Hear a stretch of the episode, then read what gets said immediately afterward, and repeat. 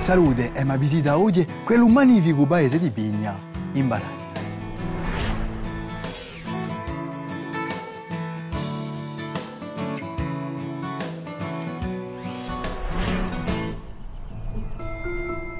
Il paese di Pigna tra Curbara e Aregno sopranedia Marina dal Gaiola, in Baragna.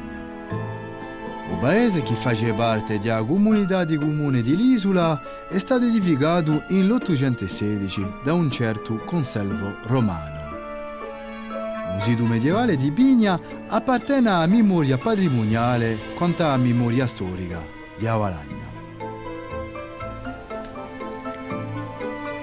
In tempo di un riacquisto in anni 70, per via di un lavoro fatto da Tony Casalonga, l'attività di un paese si sostrinta in giro alla musica e all'arte.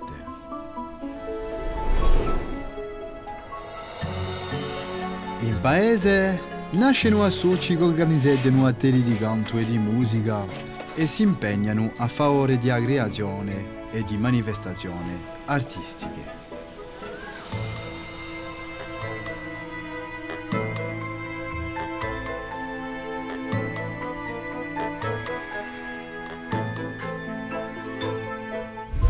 Il 2000 è edificato un auditorio, una fortuna per tutto il paese, ma di no per tutta la Valagna.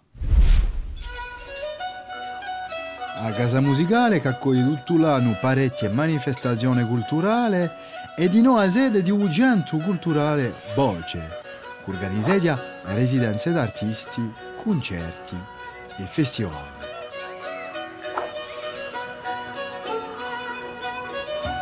Tocco un 1998 rilanciano l'anziano progetto di costruzione di un spazio culturale di qualità in Pigna.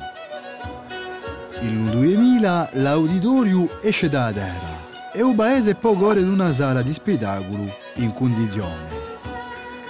Il monumento è edificato con la tecnica di terra crura, secondo un modello architetturale di l'egiziano Hassan Fatih.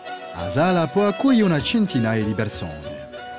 Al di là di un paese di Pigna, la sala è un luogo d'arte per tutti gli artisti di Corsica e d'altronde. Quando si tratta di cultura, si parla di patrimonio immateriale. La Valagna è sempre stata in crocevia di parecchie mosse.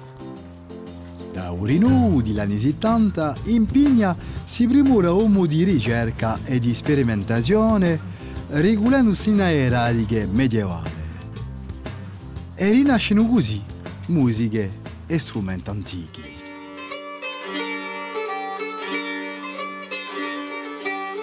La getera suonata qui da Ugo Casalonga è un esempio assegnalato di queste ricerche. In Corsica l'uso di acetera si ne sparì all'ente di XX secolo le ricerche dell'associo Valanino e oggi di Ugumunu e degli artigiani della Corsicata negli anni 70 che permessero di ritrovare una dodicina di strumenti anziani e di tornare a fare strumenti nuovi.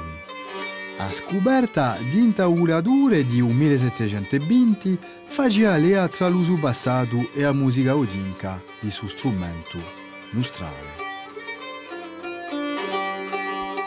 Pigna è un paese dedicato alla cultura, ma di no all'artigianato. Forse che cultura e economia possono andare a paro. Un modello di sviluppo di Pigna ne ferma un bello paragone.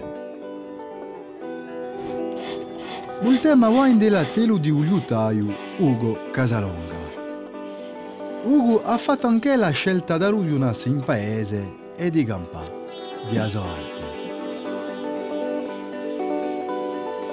Tra arte e artigianato, un aiutaio dà un fiato nuovo a strumenti anziani.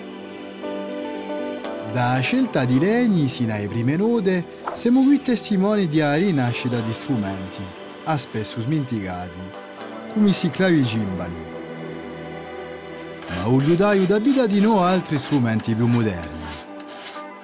L'andatura di un paese di Pigna ci insegna forse una strada da suità.